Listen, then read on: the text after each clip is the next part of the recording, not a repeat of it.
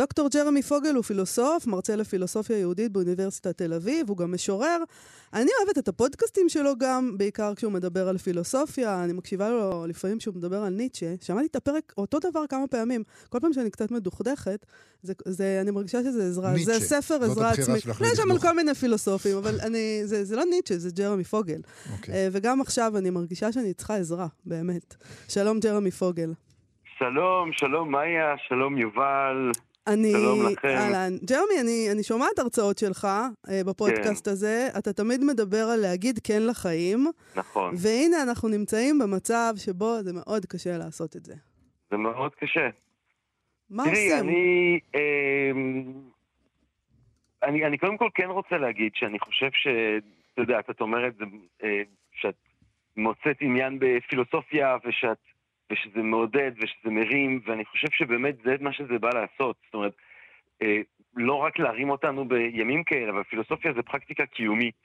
זה לא רק עניין של ספרות יפה או של אה, רעיונות תיאורטיים יפים. פילוסופיה זה משהו שאתה חי אותו. כן. ושמתיימר לפי גדולי הפילוסופיה עצמם אה, להעניק לנו את הכוחות אה, ואת האורך רוח ואת החוסן הפנימי אה, בתוך הקיום הזה, שהרבה מאוד פילוסופים היו מאוד מודעים לעד כמה שהוא יכול להיות אכזרי וקשה אה, ונואש.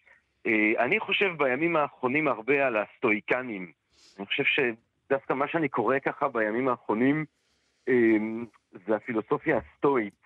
בגלל המודעות הזאת שלה לסבל, לקושי של החיים, והדרכים, אני חושב, המאוד מבריקות ומועילות שהפילוסופים מהאסכולה הזאת הציעו כדי להתמודד עם הדברים האלה. אז, אז בוא, בוא נעשה שיעור פילוסופיה קצר. קטן, כן. תסביר לנו מי לנו הם, על הסטואיקנים. מי הם, מה הם אומרים ו- אז- ואיזה טיפים יש להם בשבילנו. אז אני אגיד איזה מילה על סטואיקנים, ואז אולי כמה טיפים ככה נקודתיים שיכולים אולי להועיל מעולה. איכשהו. מעולה. אמ, אז הפילוסוף, ה- ה- ה- המסורת הסטואית מתחילה אה, עוד ביוון, אה, ביוון העתיקה, עם זנון, אה, שמלמד בסטואה, כן, שזה שדרה כזאת עם עמודים מאותרים שהייתה באגורה, ששם הרבה פילוסופים דיברו, ומשם השם הסטואיקנים. אה, הם מתחילים מסוקרטס, הם מסתכלים על סוקרטס אבל כגיבור קיומי. הרבה פחות מעניין אותם המחשבה התיאורטית, הם הסתכלו על איך הוא חי. אה, ואולי עיקר הדבר, וזה כבר טיפ ראשון, אני חושב, מאוד משמעותי, זה להתמקד אה, במה שאנחנו שולטים עליו. ולא להתמקד, אפילו לחלוטין להתעלם באיזושהי צורה ממה שאנחנו לא שולטים עליו. זאת אומרת, אה, יש את מה שאנחנו יכולים אה, להתמקד בו, וזה התגובה שלנו. העולם זורק עלינו מלא דברים נוראים. כן. מגפות ומלחמות ומוות וסבל וכאב, וכל הדברים האלה אין לנו שום שליטה עליהם. שום שליטה עליהם. זה יכול ליפול עלינו, כן, מי כמונו כרגע יודעים את זה, עד כמה שזה יכול ליפול עלינו פתאום, משום מקום לכאורה, אה, סבל נוראי. אה, לנו אין שום שליטה על זה, אז אין מה להתמקד בזה. צריך למקד את הכוחות הנפשיים שלנו במה שאנחנו כן יכולים לשלוט עליו, וכן, במה שכן תלוי בנו, וזה התגובה שלנו אה, לעולם. אתה יודע, זה נורא מעניין שאתה אומר את זה, כי אנחנו מדברים uh, לאחרונה עם הרבה מאוד פסיכולוגיות ופסיכולוגים, אנשי רפואת הנפש, וזה מאוד דומה למה שהם אומרים. אומרים, מאוד, אתם חייבים יודע- להפסיק לחשוב על המשמעות הגלובלית, ואתם חייבים להתחיל לחשוב על דברים קטנים שאתם יכולים לעשות. ובגלל זה גם אולי אנשים הולכים ומתנדבים הרבה. נכון. כי זה משהו שהם יכולים לעשות עכשיו. יש משהו סטואי בהתנדבות למעשה? אני חושב שא' כן, כי הסטואיקנים גם תפסו את האנושות כולה כאל קהילה, והם חשבו שהדרך הנכונה להתנהל היא בהתאם לתבונה, והתבונה היא אוניברסלית. ובהכרח מבחינתם התפיסה הזאת אמורה לפתוח אותך, כן, לקהילה האנושית שבה אתה מתקיים, להבין שאתה חלק מאיזשהו עולם, מאיזשהו יקום גדול יותר, ושיש בו איזשהו סדר מופתי, ושאתה רוצה לבטא אותו גם בעשייה שלך. עכשיו, הם מבחינתם חשבו ששום דבר רע לא יכול לקרות אה, לבן אדם טוב, כי הדבר היחידי שהוא חשוב זה המידה הטובה, זה כאילו המוסר הפנימי שלך, החוסן הפנימי שלך. אם אתה מצליח לקיים את זה, אז מה זה משנה? אתה חי, אתה מת, אתה אה, אה, עני, אתה עשיר, זה דברים שאתה לא שולט עליהם, ולכן הם קראו לזה אדישויות. עכשיו, מה. שמעניין גם. אה, זה שהאסכולה הזאת, שהייתה קיימת במשך מאות שנים, כן, אנחנו, היא, היא, היא, בעולם העתיק, לפני הנצחות, לפני המענה הדתי, אז כל האליטה בעצם, נגיד ברומא, כן, מאות שנים אחרי שהאסכולה הזאת התחילה, הם כולם, או הרבה מהם, נורא התלהבו מהמחשבה הסטואית. אני חושב למשל על מרקוס אורליוס, וזה ספר שפשוט אני נורא רוצה להמליץ לאנשים בתקופה הזאת. מרקוס אורליוס, הקיסר הגדול, אה, כותב ספר שהשם שלו בעברית הוא מחשבות לעצמי. אני אומר השם שלו בעברית כי זה ספר שאין לו בעצם שם. זה פשוט היומן שלו. מרקוס אורליוס ראה את עצמו כתלמיד במסורת הסטואית, אה, והוא נמצא במלחמה שם בגרמניה, שאפשר רק לדמיין עד כמה שזה היה קשה אה, ואכזרי, ויש לו יומן אישי שבו הוא כותב את המחשבות שלו, שבו הוא כותב את, ה, אה, את העקרונות שלאורם הוא רוצה לחיות והוא מבקש לחיות, וזה טרי, זה פשוט, זה יפהפה. אני סתם, אני אקריא לכם משהו. כן. אם שחר אמור לעצמך, ייקחו בדרכי עסקן, כפוי טובה, גאפתן, נוכל, איש זדון ושונא שכניו. כל התכונות הללו ניכרות באלה אנשים על שום בורות בענייני הטוב והרע, אך אני, אחר שהגיתי והבינותי כי טיבו של הטוב הוא היפה וטיבו של הרע המכוער, וכי טיבו של החוטא עצמו קרוב אליי קרבת משפחה, אמנם אין לנו מאותו דם, אבל מאותו הזרע, אה, וכולי וכולי וכולי. זאת אומרת, אתה ממש קורא בן אדם שכאילו מכין את עצמו ליום שהולך לבוא. עכשיו, הוא קיסר, כן? יש לו אחריות מטורפת, והוא בלחץ מטורף. ואתה רואה שביומן הזה, הוא אומר, תקשיב, אתה הולך לפגוש אנשים רעים, אתה הולך לפגוש אנשים אנוכיים. פשוט מכין את עצמו לזה, ומכין את עצמו אה, לבנות את החוסן הפנימי הזה, לבנות את התגובה הראויה הזאת לעולם שעליו אנחנו לא שולטים. זה נגיד, אולי... רק, נגיד רק מחשבות לעצמי, מרקוס אורליוס, זה יצא בהוצאת נהר, שעושה בתרגום, עבודה מעולה, כן. בתרגום של נהר. אה, אברהם ארואטי, והוא כן, זמין בסור ספר דיגיטלי ברשת, אם אתם תקישו את זה בגוגל, אתם מיד תגיעו, זה יכול להיות במכשיר שבו אתם קוראים בעוד עשר שניות, אם אתם מחליטים. אגב, לא רק מרקוס אורליוס, האמת זה גם מעניין, כי הקיסר הגדול הזה, אחד מהמורים הבולטים, הם לא מורה ישיר, אבל אחד מהפילוסופים שהוא נורא העריץ, שגם את הספר שלו אפשר למצוא בנהר, זה המדריך של אפיקטטוס. עכשיו, אפיקטטוס הוא היה עבד, כן? וגם הוא כעבד שהשתחרר, אה, היה אחד מהמורים הגדולים במסורת הסטואית ברומא, וזה מעניין שגם העבד וגם הקיסר, שניהם מצאו נחמה וחוסן וכיוון אה, באותם העקרונות. ואולי אני אוסיף עוד תמונה אחת שאני מאוד אוהב אותה, שהיא דווקא עוד מוקדמת מאותם היוונים הראשונים, זנון וקריסיפוס, אה, וזה אומר ש... הם חשבו שהעולם הוא הכרח. זאת אומרת, מה שנזרק אלינו, אין לנו על זה שליטה, זה הכרח.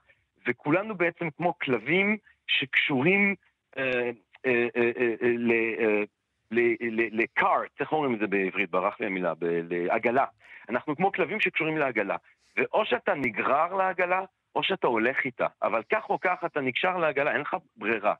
וזה המצב שלנו, כן? הדברים שנופלים עלינו, אין לנו ברירה, אין לנו אה, זכות לבחור אחרת, זה מה שנופל עלינו.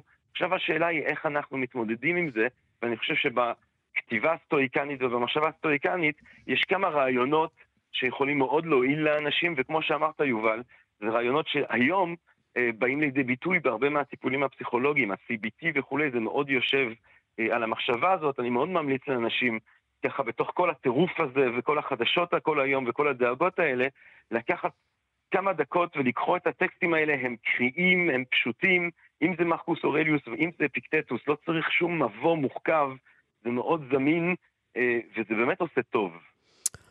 ג'רמי, אבל מה עושים עם הכעס? כועסים, אני מניח. אתה יודע, גם, אני, אני אגיד לך עוד משהו, אני חושב שאין אין, אין גם איזשהו פתרון קסם. אני גם מאוד חושש מפתרונות קסם בתקופות כאלה. אני מאוד חושש מאיזשהו ניסיון להסביר בתוך איזושהי תמונה כללית של, אה, אה, אה, של, של, אם זה תמונות דתיות כאלה, שזה שאלוהים עושה את זה כדי ובגלל, כן, כן אני, אני, אני גם חייב להגיד שכבן אדם מאוד פסימיסט באיזושהי צורה, ומאוד ממוקד שואה מאז הילדות שלי, אז אתה יודע, אני, אני רואה סביבי אנשים שאומרים, אבל איפה אלוהים? ואמרתי, טוב, אבל מה עם אנה פרנק? זאת אומרת, זה לא חדש לנו שהדברים הנוראים האלה קורים, זה פשוט עכשיו קורה לנו, בדור שלנו. נכון. אה, אה, אבל, אבל אתה יודע, ויש גם, קורה את הדבר הנורא מעניין הזה, שזה האופן שבו השואה כאילו מקבלת איזשהו סוג של ביטוי, כן, האתוס הישראלי שהוא כל כך ממוקד שואה, פתאום הוא מקבל איזשהו סוג של תקומה מזעזעת שכזאת. כן, היה, אולי... הרעיון של השואה אבל היה שאנחנו באים לפה ולא יקרה לנו דבר כזה עוד פעם. אבל אז... אולי לא, אז, אז תראי, בוא נקווה שבאמת לא יקרה עוד. כן. כן, שואה צריך גם לזכור שזה היה יום אחרי יום אחרי יום אחרי יום אחרי יום במשך שנים של דבר כזה. נכון. אבל, אבל גם מה שאני חושב שאולי אפשר למצוא בו איזשהו סוג של נחמה, זה שאת יודעת, אני מאנטוורפן, אז גדלתי כזה בעולם שכל הסבתות והסבות של כולם בגדול היו שורדי שואה. וראית אנשים ש, שחיים, כן, הם, הם נסעו לחו"ל והם עשו טיולים והם צחקו והם אכלו, וחלקם פחות וחלקם יותר, אבל הבן אדם הוא כן ייצור שעובר דברים כאלה ובסוף מוצא איזושהי דרך להמשיך. כן, יש את הכוח הזה של השכחה, יש את הכוח הזה של, ה, של החיים עצמם. ג'רמי, אני רוצה... אנחנו לא שם כרגע, אבל, אבל אני חושב שאפשר גם את זה לחשוב כאופציה שאנחנו, חלקנו לפחות נמצא דרך להמשיך הלאה גם. ג'רמי, אנחנו צריכים עוד מעט לסיים, אבל אני חייב לשאול אותך, אתה מדבר על פילוסופיה מזן מאוד מסוים, ולא נעשה את הטעות של uh, אחרים עשו, ששמו את uh, ניטשה והיידיגר uh, רק, כן. רק באיזשהו צד מאוד מאוד ספציפי, אבל כן נגיד שיש כל מיני פילוסופיות שללא ספק אפשר לעשות להן פרשנויות הרבה יותר לוחמניות, הרבה יותר התקפיות, הרבה יותר אגרסיביות, ולא רק כן. פרשנויות. יש פילוסופיה הרבה יותר אלימה. מה אנחנו עושים איתה בימים כאלה? תראה, אני חושב ש... זו שאלה מאוד קשה, אתה מבין? זה אחד מהאכזבות המאוד גדולות שלי יש כמי שכזה מקדיש את עצמו לדבר הזה, שאוהב פילוסופיה, שזה כאילו בעצם המיקוד של החיים שלי בהרבה צורות. זה מאוד מאוד מאוד מאוד מאכזב אותי שהיידגר, שללא ספק מבין יפה מאוד פילוסופיה, יכול עדיין להיכשל כישלון מוסרי כל כך בוטה וכל כך מובהק. אה, כמו שזה מאוד מצער שאנשים בוחרים להתמקד אה, בפסוקים של הקוראן או בפסוקים של התנ"ך, אה, שהם הרגעים האלימים או הבלתי אנושיים, ולא מתמקדים ביסודות העילאיים שיש במסורות הדתיות שלנו, למשל. אני, אין, אין לי תשובה טובה או אלגנטית לדבר הזה. אה, אני מקווה, אולי נסגור את זה שוב עם הסטואיקנים, והמיקוד שלהם בסוקרטס, אני מקווה לחשוב איתו שבסופו של דבר, מי שכן אה, מקדיש את עצמו לחיים של חקירה, מי שכן לוקח רגע כשעולה בנו הכעס הזה והרצון שלנו, המובן לחלוטין, אה, לנקמה אכזרית כמה שיותר, שיש גם את הקול הנוסף הזה, שאומר, אנחנו עדיין צריכים ליצור פה עולם שבו בני אדם יכולים בסופו של דבר לחיות ברמה בסיסית של אצילות, באפשרות בסיסית של מימוש, בתקווה כלשהי לעולם טוב יותר שנשאיר לילדים ולנכדים. המחשבות האלה, אני חושב שאם אנחנו ניקח את הזמן לתת למה שפחויד כינה הקול של התבונה, אה, אם ניתן לדבר הזה גם לדבר, אה, אפילו בזמן שרועמים אה, כלי הנשק, אז אולי בכל זאת אנחנו, אתה יודע, נדע לפחות לדמיין עתיד טוב יותר ולכוון אליו. דוקטור ג'רמי פוגל, תודה רבה לך על השיחה הזאת. תודה, תודה לכם וכל טוב לכולנו. ימים טובים, להתראות. להתראות.